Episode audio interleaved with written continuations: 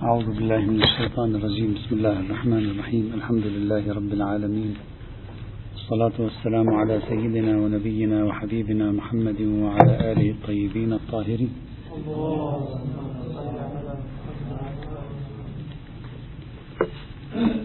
بعد أن انتهينا من عرض مختصر يتصل بفهم فكرة قانون الذرائع سواء في مجال سد الذرائع أم في مجال فتح الذرائع. أو فلنقل قانون تبعية الوسائل في الحكم للمقاصد أو للنتائج. بعد أن شرحنا هذه الفكرة يجب علينا أن نبدأ بالأدلة التي يسوقها الذرائعيون عادة لإثبات اتحاد حكم النتيجة والوسيلة. قلنا بأن الذرائعيين يستخدمون تارة الأدلة العقلية وتارة يستخدمون بعض الأدلة اللفظية وثالثا يستخدمون أدلة استقرائية من نوع الاستقراء. وسنرى أدلتهم برمتها تقريبا وننظر هل هذه الأدلة صحيحة ليست صحيحة. تنفع تفيد فيما زعموا من وجود قاعدة فيما لا نص فيه اسمها قاعدة الذرائع أو لا. مهم أدلتهم يمكن ذكره على الشكل الآتي. الدليل الأول وهو من أشهر وأهم الأدلة العقلية التي ذكروها لإثبات نظرية الذرائع أسميها نعبر عنها بذلك من عقلانية التشريع إلى سد الذرائع يعني عقلانية التشريع هي التي تؤدي إلى الإيمان بنظرية سد الذرائع الآن سنوضح ما معنى هذه الفكرة. يقرب الذرائعيون هذا الدليل طبعا وعمدة الذين طرحوا هذا الدليل وأهم شخص طرح هذا الدليل ومن جاء من بعده لم يكونوا سوى شراح أو مكررين لهذا الدليل. هو ابن قيم الجوزية في كتابه إعلام الموقعين عن رب العالمين. ابن قيم الجوزية في هذا الكتاب قدم مقاربة عقلية أو عقلانية تثبت أن النتائج والوسائل محكومة بحكم واحد في الشرع. وحاصل هذا الدليل على الشكل الآتي قال الإنسان أو العاقل الذي يحرم شيئا يحرم أسبابه الموصلة إليه. العاقل إذا حرم شيئا حرم سببه. وهذه هي طريقة العقلاء في التقنين عادة. وهذه هي طريقة العقلاء في التوجيه عادة. أنهم إذا منعوا من شيء فإنهم يمنعون الطرف الآخر من الأسباب الموصلة إلى ذلك الشيء من الأسباب المفضية إلى ذلك الشيء. وإلا نقضوا غرضهم.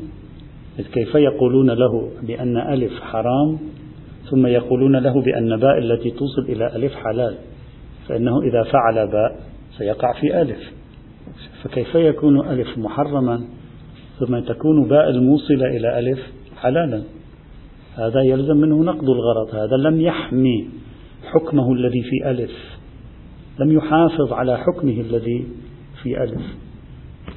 إذا كون المشرع عاقلا كون المشرع عقلانيا من العقلاء يستدعي منه أن يجعل حكم الوسائل متماهيا مع حكم المقاصد وإلا نقض غرضه. إذا ممكن نسمي هذا الدليل برهان عقلانية المشرع.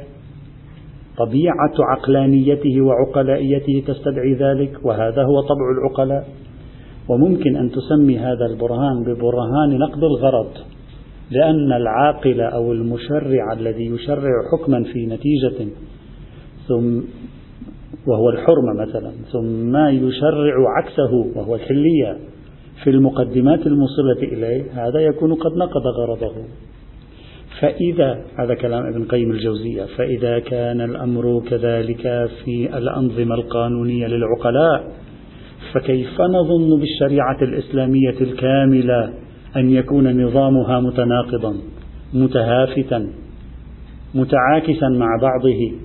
ينقض فيه مشرعه غرضه لا يستخدم فيه مشرعه نظاما عقلائيا في التقنين. كيف تتوقعون ذلك؟ والنتيجة؟ إن بالبرهان المركب من عقلانية المشرع واستحالة نقد الغرض يفرض أن الذي يحرم ألف يحرم الطرق الموصلة إلى ألف. والذي يوجب ألف يوجب الطرق الموصلة إلى ألف. والذي يجعل ألف مستحبة يجعل الطرق الموصلة إلى ألف مستحبة وهكذا. وهذا هو سد الذرائع وفتح الذرائع. هذا حاصل واحد من أشهر أدلتهم ذات الطابع العقلي يعني طريقتها عقلية. وصاحبه هو ابن قيم الجوزية في كتاب إعلام الموقعين في الجزء الرابع صفحة 553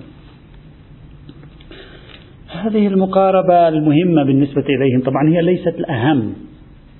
هذا الدليل ليس هو الأهم عندهم لكن مهم على أي حال. الدليل الأهم عندهم يأتي.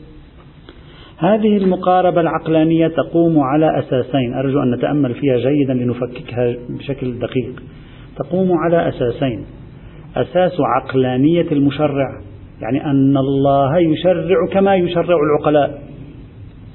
نستنسخ طريقة العقلاء في التشريع ونضعها على الله سبحانه وتعالى. عقلائية المشرع. والركن الثاني من أركان هذا الدليل استحالة نقد الغرض. أن العاقل لا ينقض غرضه وأن اختلاف حكم النتيجة مع المقدمة هو نقد للغرض. هذا هو ادعاء ابن قيم الجوزية وكل الذرائعيين بعده ذكروا هذا الدليل. طيب. في النقطة الأولى إذا أثبت ابن قيم الجوزية أن هذا النوع من التشريع نقد للغرض فسوف يلزم الجميع. خلاص. لأنه لا أحد يقبل بأن الله سبحانه وتعالى يمكن أن يرتكب نقدا للغرض. نقد الغرض يعني نقص على الله سبحانه وتعالى. خلاف الكمال الإلهي كلهم متفقون لا كيفية تخريج الاتفاق مسألة أخرى. لكن الجميع متفق. مستحيل الله ينقض غرضه.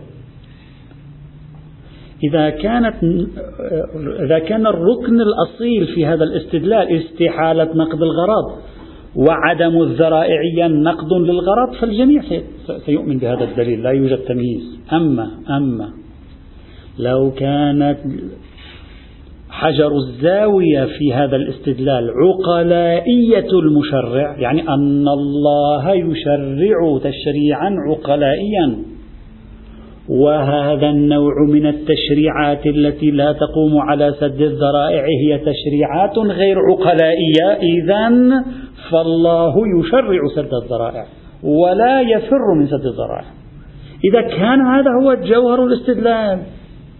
هنا في نقطة مهمة يجب أن يفترض هذا الاستدلال مسبقا أن الله يشرع كما يشرع العقلاء.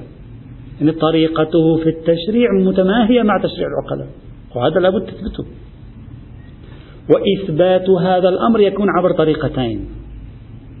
أصوليا إثبات هذا الأمر يعني نتيجة هذا الأمر إثباتها عبر طريقتين. الطريقة الأولى مسلك المحقق الإصفهاني صاحب نهاية الدراية. ما هو مسلكه في بحث الملازمة بين حكم العقل وحكم الشرع؟ مسلكه أن الذي يجعل الشرع يحكم بما حكم به العقل بعد أن افترض المحقق الإصفهاني متابعا الفلاسفة أن ما يسمى بحكم العقل العملي هو المحمودات الصلاحية كما ذكروا في المنطق وفي الفلسفة. ماذا قال هناك إذا تذكرون المحقق الإصفهاني وله مسلك خاص تبعه عليه تلامذته مثل الشيخ المظفر؟ قال إذا إذا حكم العقل بشيء يعني حكم العقلاء بشيء لأنه مفهوم حكم العقل عنده ومفهوم حكم العقلاء عنده. إذا حكم العقل والعقلاء بشيء لازم أن يحكم الله به. لماذا؟ لأن المفروض أن الله السيد العقلاء والرئيس العقلاء هذا تعبيره الرئيس والسيد فإذا افترضت أن العقلاء حكموا بشيء فهذا بنفسه يستبطن أن الله حكم به. لأن المفروض أنهم قد حكموا به بما هم عقلاء والمفروض أن السيد العقلاء هو الله فلا بد أن يكون قد حكم به وإلا يكون هناك تهافت. إذا إذا اعتمد ابن قيم الجوزية هنا في برهانه على عقلائية المشرع فلا بد له أن يثبت لنا أن الله عندما يشرع يشرع على طريقة العقلاء. حتى تقول لنا هذه الطريقة غير عقلائية إذا لا يشرعها الله. ولا يستخدمها الله. أو تقول لنا هذه الطريقة عقلائية إذا فالله يستخدمها. وكيف تثبت أنه لا بد من التطابق بين طرائق العقلاء وبين طريقة الله بواحد من مسلكين؟ المسلك الأول مسلك المحقق الأصفهاني الذي يجعل العقلاء والله مندمجين لأنه سيدهم ورئيسهم. هذا مسلك. أو تقول بإرجاع قواعد العقل العملي الحسن والقبح وهذه القضايا التي نبحثها إرجاع قواعد العقل العملي إلى العقل النظري. يعني أنت تكون من القائلين بأن العقلاء عندما يحكمون بشيء وجوبا أو يحكمون بشيء حرمة في الحقيقة لا يوجد شيء اسمه حكم عقل نظري عملي هنا اسمه الحسن وقبح في جوهر الأمر هو حكم عقل نظري. ما معنى حكم عقل نظري؟ يعني في الحقيقة العقلاء يرون, يرون المصالح والمفاسد فيحكمون على المصلحة ويحكمون على المفسد. وهذا معنى حكم العقلاء. فإذا كان العقلاء يحكمون أن النتيجة حكمها حكم أن الوسيلة حكمها حكم المقدمة فهذا ليس له معنى.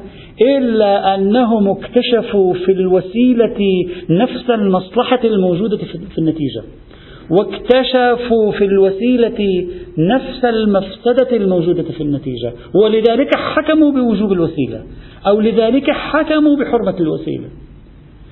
وعندما تقول مرجع أحكام العقل والعقلاء إلى العقل النظري وليس إلى العقل العملي. معنى ذلك أن العقلاء عندما يقولون المقدمة واجبة يعني المقدمة فيها مصلحة.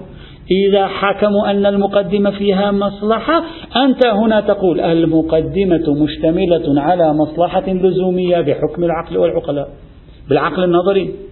وكل ما هو مشتمل على مصلحة لزومية فهو واجب شرعا. دليلك تبعية الأحكام للمصالح والمفاسد. إذا فحكم المقدمة حكم النتيجة بقانون تبعية الأحكام للمصالح والمفاسد. طريقة الاستدلال اختلفت باختصار أعيد باختصار. برهان ابن قيم الجوزية ومن تبعه من الذرائعيين قائم على مفهومين. مفهوم عقلائية المشرع مفهوم استحالة نقد الغرض. هو دمج بينهما هو دمج بينهما. نحن نفكك الآن. إن كان بناء الاستدلال على نقد الغرض فهذا واضح الجميع ملزم به هذا ما في نقاش فيه. إذا صح طبعا إذا صح. وأما إن بني الاستدلال على عقلائية المشرع جاء سؤال ما الدليل على لزوم متابعة الله للعقلاء في نمط تشريعهم؟ حتى إذا شرعوا وجوب الوسيلة للمقدمة الواجبة هو شرع أيضا وجوب الوسيلة قلنا ليس ذلك إلا لمسلكين. المسلك الأول مسلك المحقق الإصفهاني. المسلك الثاني تحويل حكم العقل والعقلاء إلى عقل نظري. ومعنى تحويله إلى عقل نظري أن العقلاء يكتشفون المصلحة والمفسدة في الوسيلة.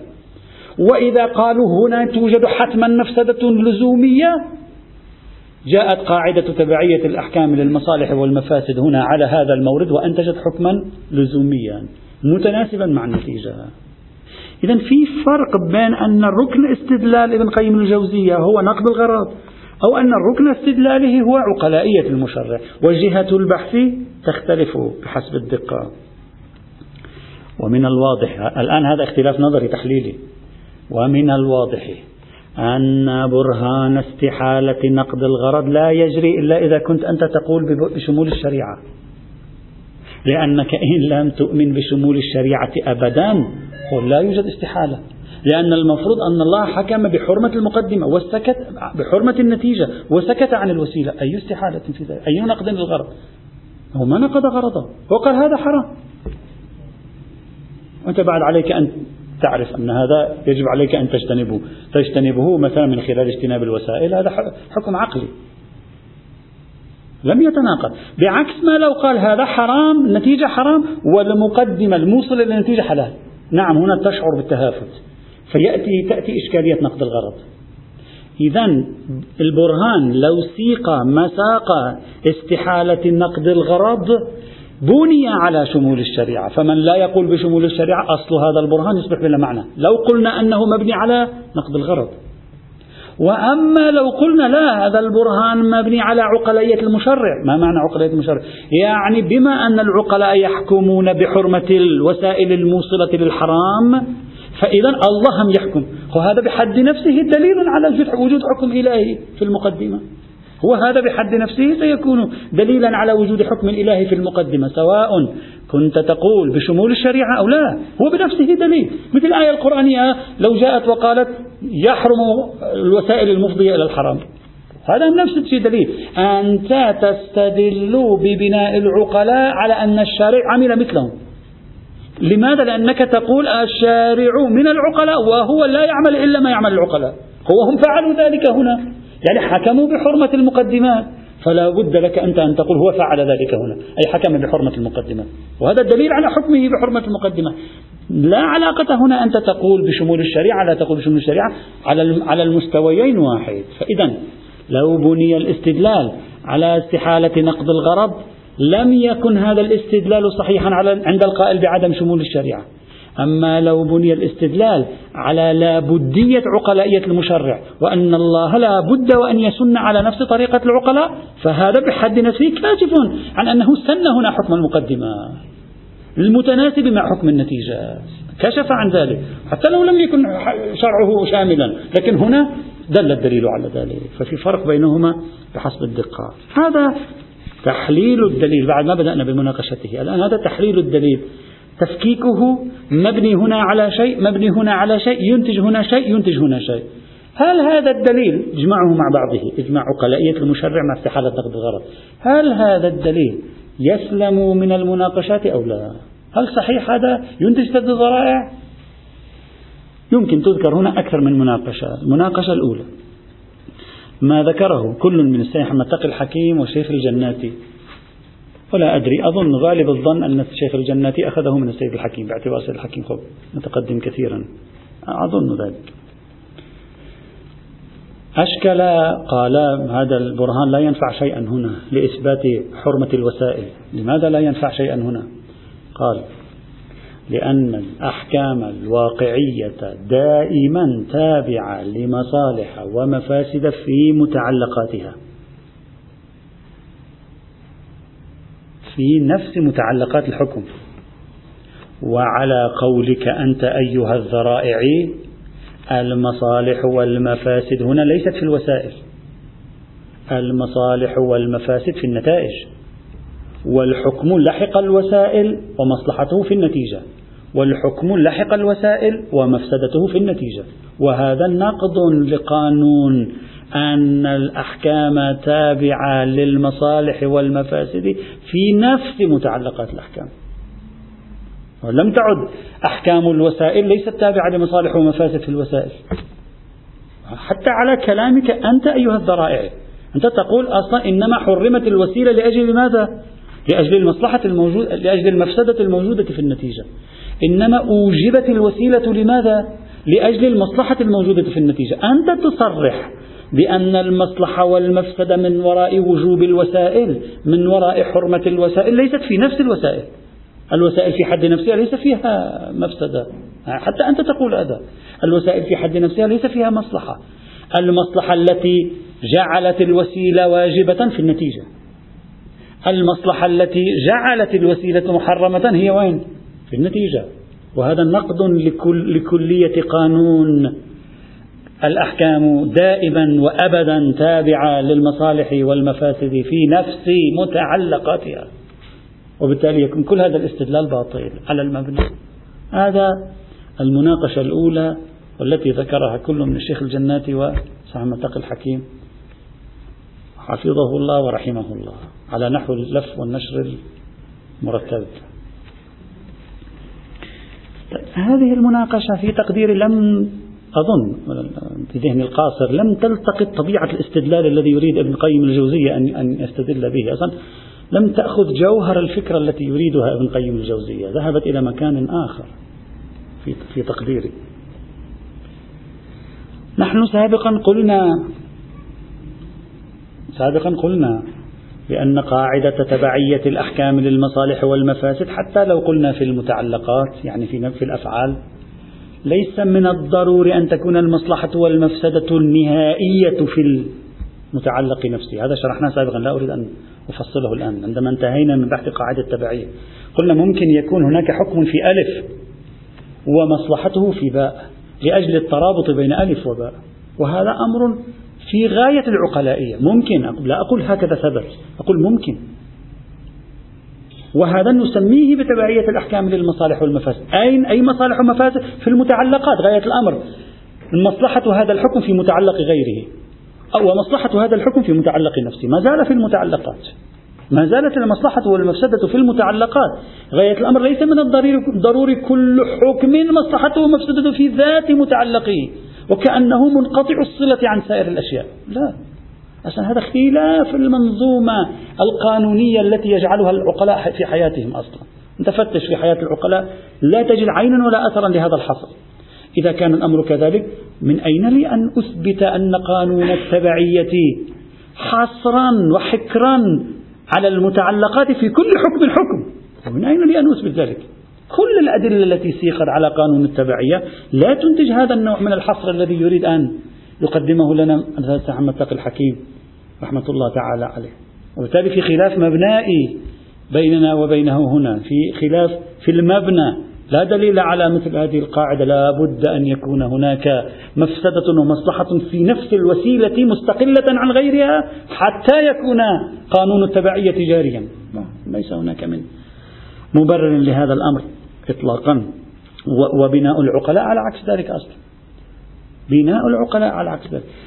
ابن قيم الجوزية يا مولانا العزيز أصلا هو يريد أن يفهم بناء الشارع من خلال طريقة العقلاء في التقنين. يريد أن يكتشف طريقة الشارع من خلال طريقة العقلاء في التقنين.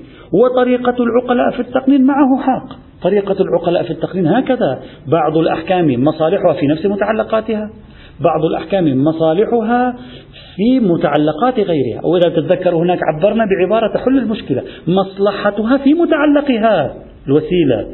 لكن مصلحة متعلقها مربوطة بمصلحة غيره يعني الموصلية. الموصلية هي المصلحة الموجودة في الوسيلة. والموصلية مصلحة. وإلا على هذا التقدير الصلاة هم أيضا ينبغي أن نشك فيه. أو يمكن نفس الصلاة لا تكون حينئذ مصلحتها في ذاتها بل مصلحتها في إنتاجها حالة معينة وهذا كثير في تشريعات الدينية.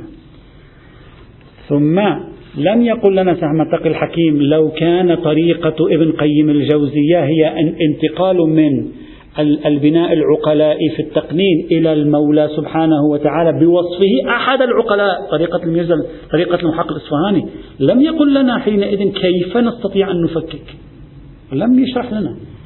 بعبارة أخرى أنت عليك أن تذهب إلى المستدل لترى بنية استدلاله. بنية استدلاله لنرى هذه البنية صحيحة أو غير صحيحة. أنت المح... السيد محمد تقي الحكيم لم يجبنا عن هذا الانتقال من طريقة العقلاء إلى طريقة المولى. لم يجب أصلا عن فكرة نقد الغرض. يعني ما أعطى جواب عنها. وما زالت نقد الغرض فكرة موجودة. إذا أنت جئته بقاعدة في باب التبعية يقول لك تلك القاعدة باطلة ودليلي على بطلانها هو هذا الدليل. فلعليك أن تجيبه على هذا الدليل كي تثبت القاعدة هناك. ولا أن تقدم له برهانا مبنائيا بهذه الطريقة من المبنائية لأن هذا الدليل الذي يقدمه ابن قيم الجوزية بنفسه دليل على بطلان المبنى الذي ذكره سحمة الحكيم لا أن هذا الدليل مبني على مبنى هناك. هو نفسه يشارك في صناعة ذلك المبنى. وعليه. فأسلوب تصور السيد الحكيم حتى أسلوب تصوره للأنظمة القانونية وأنظمة التشريع لا تبدو لي مفهومة. يعني هذا أمر وجداني. إخواني الأعزاء ارجع إلى وجدانكم ارجعوا إلى تجارب القانونية تجربة التقنين في حياة البشر. هذا أمر وجداني أن بعض الأمور تحرم لا لمصلحة لا لخصوصية في نفس الفعل بل لأجل النظر إلى أهداف أخرى. التشريعات كلها على شكل أسهم توصل إلى نتائج معينة وهذا شيء طبيعي. وما أبعد ما بين ما قاله محمد تقي الحكيم هنا وما قاله الميرزا القمي في بحث حماية الحمى. وسد الأبواب وسد الطرق. بينهما تباين تام. وبالتالي تركيبة الاستدلال لم يتم الجواب عليها لا فكرة نقد الغرض أجيب عنها لا فكرة عقلائية المشرع هم أجيب عنها. فما زالت المناقشة ضعيفة في في في ظني. المناقشة الثانية أيضا ما أفاده كل من السيح المتقي الحكيم والشيخ الجناتي. مكملين المناقشة السابقة. وحاصله قال قالا لا يجب في الحكمين في الأمرين المتلازمين أن يحملا حكما واحدا. هذا أخطر من الذي مضى. لا يجب أن يحملا حكما واحدا. مثلا عندي ألف وباء. ألف وباء متلازمين. متلازمين. يتكلم حتى عن مستوى التلازم سيد محمد تقي الحكيمة متلازمين مع بعضهما. لا يجب أن يكون حكم ألف وباء واحد. ممكن هذا يكون وجوب وهذا يكون إباحة. متلازمين. قل هذا ولا بأس بذلك. نعم يجب أن لا يكونا بحيث لا يستطيع المكلف امتثالهما. يعني ما يكون واحد منهم وجوب والثاني حرمة. المكلف إذا يريد يمتثل الوجوب فسيقع في الحرام لأنهم متلازمين. وإذا كان يريد أن يفر من الحرمة فسيترك الواجب لأنهما متلازمين. فبناء عليه نعم مثل الوجوب والحرمة غير معقول. هذا مستحيل. لماذا؟ لأنه يفضي إلى عدم إمكان الامتثال في الخارج أما المتلازمان أحدهما واجب والثاني مباح وين المشكلة؟ أحدهما حرام والثاني مباح وين المشكلة؟ ما في أي مشكلة يمكن امتثالهما معا ما في أي مشكلة المباح تتركه وهو يبقى مباح وفي نفس الوقت تكون قد تركت الحرام وين المشكلة؟ اعتبر كل من محمد تقي الحكيم. طبعا هذا مبني على مسلك في بحث مقدمة الواجب والحرام. اعتبروا أن مشكلة المشاكل هي مقام الامتثال. يعني في مقام الامتثال يمكنك أن تجمع بين الحكمين بين حكم وجوب الشيء وبين حكم إباحة مقدمته. إيه نعم يمكن. الآن إذا أنا قلت لك بأنه مثلا الصلاة واجبة والوضوء مباح. وهما متلازمان فرضان متلازمان. قول لا بس أنت توضيت وصليت وتلازما. وين في نقد؟ توضأت فهو مباح لم تفعل شيئا خطأ. وصليت فهو واجب. فعلت الواجب. في تصور كل من الساحة تقي الحكيم وغيره أن إشكالية الإشكال في, في اختلاف الأحكام بين المتلازمات إشكالية الإشكال أين؟ في, في الامتثال. هل يمكنني أن أجمع بينهما أو لا؟ وحيث إن حرمة النتيجة مع جواز المقدمة لا مانع من الجمع بينهما فإذا لا يوجد إشكال أصلا هنا. هذا الكلام الذي ذكره أيضا سيد محمد تقي الحكيم والشيخ الجناتي هذا الكلام بالنسبة الآن أنت خلصنا سيد محمد تقي الحكيم اذهب وقف إلى جانب ابن قيم الجوزية واسمع بأذنه هو. بالنسبة إليه الدعوة في مقابل دعوة. ما في شيء. أصلا لم تفهم علي بتقديري سيقول له ابن قيم الجوزية أنت لم تفهم علي قصدي. أنا ما أتكلم عن متلازمات واستحالات بهذا المعنى. أنت لم تضع يدك على نقطة القوة في استدلالي. ما هي نقطة القوة؟ عقلائية المقنن. أنت يجب أنت يا تقي الحكيم يجب عليك أن تقول لابن قيم الجوزية المقنن يمكن أن يكون عقلائيا ومع ذلك لا يوحد الحكم عقلائيا لا إمكانيا لأنه ممكن ممكن ممكن في المشكلة. لكن دعوى الرجل أن هذا التشريع غير عقلائي. يعني العقلاء يعتبرونه تهافتا غير صحيح لا أنه استحالة عقلية مستحيل عقلا ومتلازما. أنت بهذه المناقشة سيدنا الحكيم لم تضع يدك وإصبعك على إشكالية العقلائية وتقول لا عقلائي. هذا الكلام لا يثبت العقلائية هذا يثبت الإمكان. إمكان تغير حكم المتلازمين. لا عقلائية تغير حكم المتلازمين أو عدم تغيره. ثم إشكالية نقد الغرض أيضا لم تقل له شيئا فيها. الرجل يقول لك ما معقول يا أخي؟ آه واحد يقول لك في شيئين متلازمان هؤلاء متلازمان يعني مع بعضهما يقعان. ويجي مشرع يقول هذا حرام وهذا يجوز لك فعله ويجوز لك تركه. يا أخي كيف أنت تقول هذا واجب أو هذا حرام؟ والمفروض أنني إذا أردت أن أتركه لا بد أن أترك هذا لأن المفروض متلازمان. ثم تقول هذا لك أن تتركه ولك أن لا تتركه.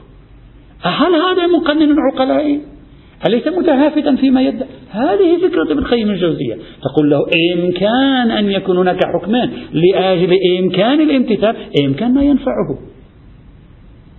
إذا نقطة الخطأ في ظني في ظني فيما أظن أن سهم التقي الحكيم لم يذهب إلى جوهر استدلال ابن قيم الجوزية ومن تبعه من الذرائعيين. ابن قيم الجوزية لا يقول في مستحيل عقلي هنا. استحالات عقلية مطلقة. يقول عقلائيا هذا يناقض غرضه. عقلائيا هذا أمر غير صحيح. قل له عقلائيا هذا صحيح. واعطيه شواهد على الصحة. قل له هذا لا يوقع التهافت في الغرض. واعطيه شواهد على عدم وقوع التهافت. نعم هذا يصلح جوابا على ابن قيم الجوزية. أما أصل إمكان أن يكون الشيء محرما وملازمه مباحا وأن هذا ليس بالأمر المستحيل عقلا في ذاته ما ينفعه بشيء. أرجو أن تكون فكرة واضحة أن المستوى سطح المستوى الذي يتكلم عنه السيد محمد تقي الحكيم مختلف تماما عن المستوى والفضاء الذي يتكلم عنه ابن قيم الجوزي. ولذلك لا يصلح هذا جوابا على وإن كان هذا في حد نفسه قد يكون صحيحا. يعني كلام السيد محمد تقي الحكيم في حد نفسه ربما يكون صحيحا. كإمكان عقلي؟ نعم ممكن. لكن لا علاقة له بطبيعة استدلال ابن قيم الجوزية في هذا المجال. المناقشة الثالثة ما يمكننا طرحه؟ يمكن أن نطرح هنا مناقشة مطولة بعض الشيء. للجواب عن هذا الاستدلال الأشهر عقليا عند الذرائعيين وهو نشقق المسألة إلى شقين. الشق الأول أن نفترض أن العلاقة بين النتيجة والوسيلة هي علاقة ضرورية أو دائمية. هذا الشق الأول نتكلم عنه. الشق الثاني أن نفترض أن العلاقة بين النتيجة والوسيلة هي علاقة غير دائمية ولا ضرورية. والشق الثاني في له حالات ستأتي إن شاء الله. نبدأ بالشق الأول. نريد أن نتصور طبيعة العلاقة ما بين المق... النتيجة والوسيلة. الشق الأول أن نفترض العلاقة ضرورية. ضرورية ما معنى؟ يعني بالضرورة إذا وجد الأول وجد الثاني. بالضرورة هناك تقارن دائمي بالضرورة بين ألف وباء يعني بين النتيجة والوسيلة. أو إن لم يكن ضرورة حتى لا نخنق أنفسنا بمفهوم الضرورة بمعناه الفلسفي ديمومة. دائما هكذا. دائما إذا كنت تريد أن تجتنب النتيجة عليك أن تجتنب هذه الوسائل. دائما دائما. دائما إذا كنت تريد أن تحقق هذه النتيجة كما لو كانت واجبة عليك أن تأتي بهذه الوسائل. دائما. إما الديمومة هذه اتفاقية أو هذه الديمومة ضرورية بنحو الضرورة اللزومية. ما يهمنا الآن هذا التحديد إذا بدأنا بالشق الأول سنجد أن تحت أيدينا حالتين. والنتيجة تختلف تبعا لهاتين الحالتين إذا أردنا أن نتأملهما بشكل أصولي دقيق. الحالة الأولى أن يكون خلينا نطبق الحالة على هذه النتيجة اللي هي المحكومة بحكم شرعي وهذه المق... الوسائل التي نبحث عن حكمها الشرعي وليس فيها نص ولا دليل. نستعين بقاعدة الذرائع لإثبات حكمها. أن نفترض أن الوسائل حكمت بحكم منسجم مع النتيجة من غير الشرع. أن نفترض أننا محكومون بحكم في الوسائل منسجم مع النتيجة. يعني حكم مثلا إذا كانت النتيجة حرمة فالحكم في الوسائل هو الحرمة لكن الحاكم ليس هو الشرع. فرضية. هنا ما دام يوجد حكم في الوسيلة على طبق النتيجة من غير الشرع معنى ذلك أن العقل يحكم بوجوبها أو بحرمتها. هذا معنى وجود حكم. يعني عندي حكم عقلي بوجوب الوسائل. وعندي حكم عقلي بحرمة الوسائل. لماذا هذا الحكم العقلي؟ لأن العقل يرى أن الوسيلة التي إذا وضعت قدمك بها وقعت في الحرام لأنه في ديمومة اتصال بينهما هي حرام. العقل يحكم بوجوب تركها بلزوم تركها بقبح فعلها سما شئت فعبر هذه فرضية الأولى. وهذا هو بحث مقدمة الواجب وبحث مقدمة الحرام. إذا أنت من من القائلين بأن العقل يحكم بأن مقدمة الواجب التي إذا وقعت وقع الواجب. نفترضها الآن هكذا بهذا المعنى. ومقدمة الحرام التي إذا وقعت وقع الحرام. هناك حكم عقلي بوجوبها أو بحرمتها. أنت تفترض ذلك. هنا يمكن للمولى أن لا يكون له حكم في الوسائل. يمكن. المولى ممكن يكون ساكت عن الوسيلة. معتمدا على حكم العقل فيها. بلا فرق بين أن يكون دليلك عقلائية المشرع أو أن يكون دليلك هو استحالة نقد الغرض. لأن ما في نقد غرض هنا لم ينقض غرضه المولى. قال لك النتيجة هي حرام والوسيلة ليس لي حكم فيها. ومن محاسن الصدف أن العقل له حكم فيها متناسب مع النتيجة. أين نقض غرضه؟ ما دام عقلك يحكم عليك بلزوم الإتيان بالمقدمة وصولا إلى النتيجة. وما دام عقلك يحكم عليك بحرمة الإتيان بالمقدمة خوفا من الوقوع في النتيجة المحرمة. والشارع إذا لم يعطي حكما في الوسيلة أين نقض غرضه؟ الشارع إذا لم يعطي حكما في الوسيلة أين تهافت؟ أين لم يكن عقلائيا؟ هو يريد أن يحقق النتيجة ما دام قد رأى بأن هناك مرجع قانوني يلزم البشر بأن يحققوا هذه النتيجة عبر الوسائل هذه. فإذا سكت ولم يشرع هو حكما شرعيا لا يكون قد ناقض نفسه. سكت لم يشرع حكم. التهافت لو شرع حكما على العكس. لكن المفروض أن العقل يحكم بالحكم الذي يريده الذرائع. فالمولى إذا سكت أي ضير في ذلك هنا لا توجد أي مشكلة على الإطلاق في هذا الموضوع. وهذا الكلام طبعا مبني على عدم شمول الشريعة لأنك لو قلت بأن المولى سكت هنا يعني الشريعة ليست شاملة يعني ليس له حكم هنا. هذا الكلام الذي نقوله مبني على عدم شمول الشريعة مع وجود أحكام عقلية في الوسائل وفي الطرق. أما لو قلت بأن الشريعة شاملة فلا بد منطقيا من فرض وجود موقف للشريعة في الوسائل. يعني لا بد الشريعة تكون لها موقف في الوسائل. وإلا إذا سكتت عن الوسائل لا تكون شاملة. وأنت المفروض تؤمن بأنها شاملة. وإذا كانت شاملة فهذا هذا واقع. اسمه واقع العلاقة الدائمية بين الوسائل والنتائج. ما هو موقف الشريعة حينئذ من الوسائل؟ يجب أن تعطي موقفا. إن أعطت الشريعة موقفا منسجما مع النتائج فهذا ما يريده الذرائع. ثبت دليله.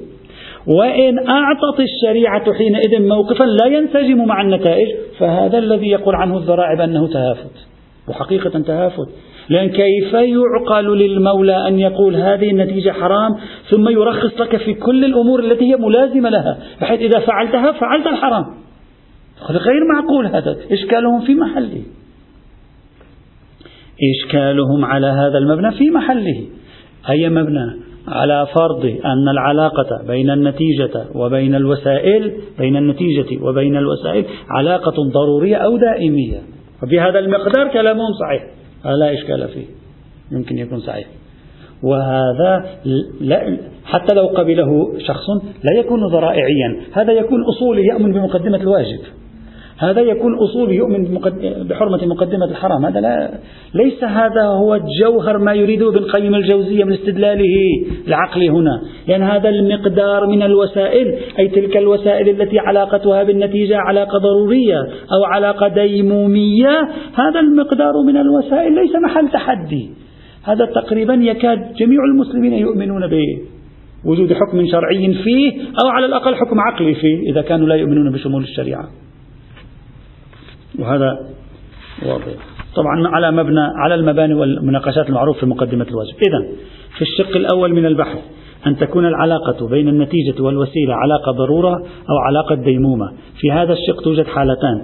الحالة الأولى أن يكون هناك مرجع إلزامي للإنسان بالوسائل على طبق النتائج. فهنا سكوت الشارع لا يوجب لا التهافت ولا عدم عقلائية المشرع أبدا. وبل وهذا الإشكال منا مبني على ما بنينا عليه من عدم شمول الشريعة. أما من يقول بشمول الشريعة لا يصح يحق له أن يكتفي بحكم العقل.